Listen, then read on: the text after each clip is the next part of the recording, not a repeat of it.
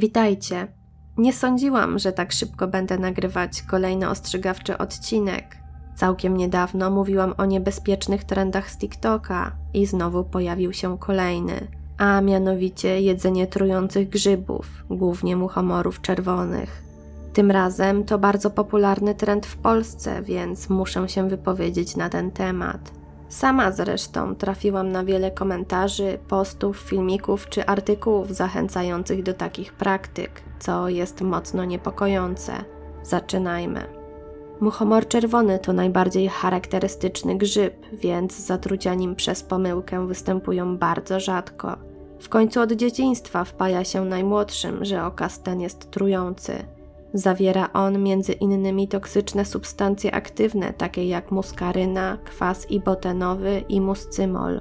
Muskaryna występuje w śladowych ilościach, zatem w tym przypadku najbardziej trujący jest kwas ibotenowy. Jest on jednak nietrwały i poprzez czasochłonną obróbkę następuje dekarboksylacja, w której zamienia się on w mniej szkodliwy muscymol. To oznacza, że najbardziej trujące są świeże okazy, Dlatego też są ludzie, którzy zbierają te grzyby, a następnie je suszą lub gotują i spożywają w małych ilościach. Twierdzą, że robią to w celach leczniczych lub halucynogennych. Co najgorsze, zachęcają do tego innych. Jak to się może skończyć? Zaraz Wam opowiem. Po pierwsze, nawet długotrwałe suszenie czy gotowanie nie eliminuje całkowicie toksyn z muchomora, nadal się w nim znajdują, jednak w mniejszej ilości. Musicie wiedzieć, że każdy okaz ma inny potencjał toksykologiczny. Co to oznacza? Muchomor może być mniej lub bardziej trujący, a zależy to między innymi od tego, w jakim miesiącu został zebrany.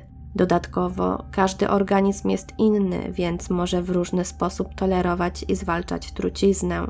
Najlepszym tego przykładem jest słynny niemiecki mykolog Julius Schaffer, którego wiedza o grzybach była ogromna. Mimo to otruł się i zmarł. Co prawda nie chodziło o muchomory, ale o krowiaka podwiniętego, mylonego z rydzem.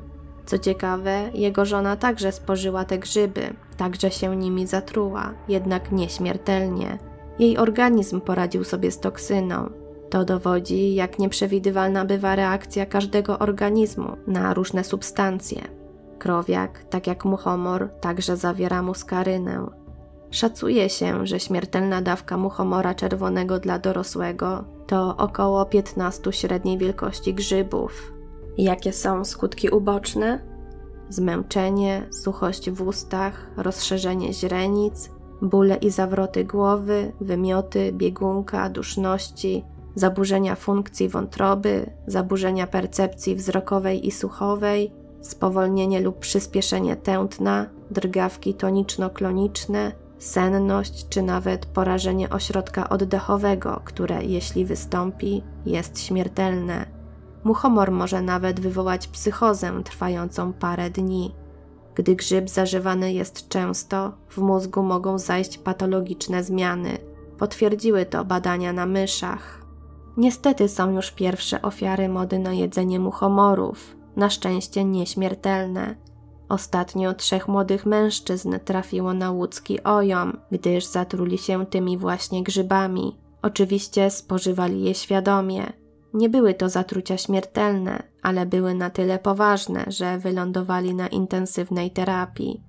Przeglądając internet, natrafiłam także na komentarz jednej lekarki, która pisała o dwóch jedenastoletnich chłopcach, którzy przyjechali na SOR z powodu zatrucia, bo ugryźli muchomora, gdyż brali udział w TikTokowym wyzwaniu. Zapewne poszkodowanych jest znacznie więcej, jednak nie wszystkie przypadki są medialnie nagłaśniane.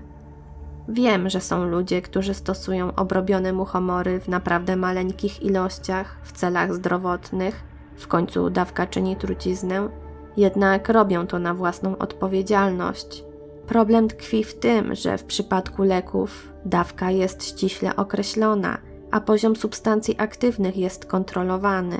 W przypadku grzybów nigdy dokładnie się tego nie ustali, tym bardziej jak ktoś się na tym kompletnie nie zna. Dlatego właśnie promowanie takich praktyk w internecie jest szalenie niebezpieczne.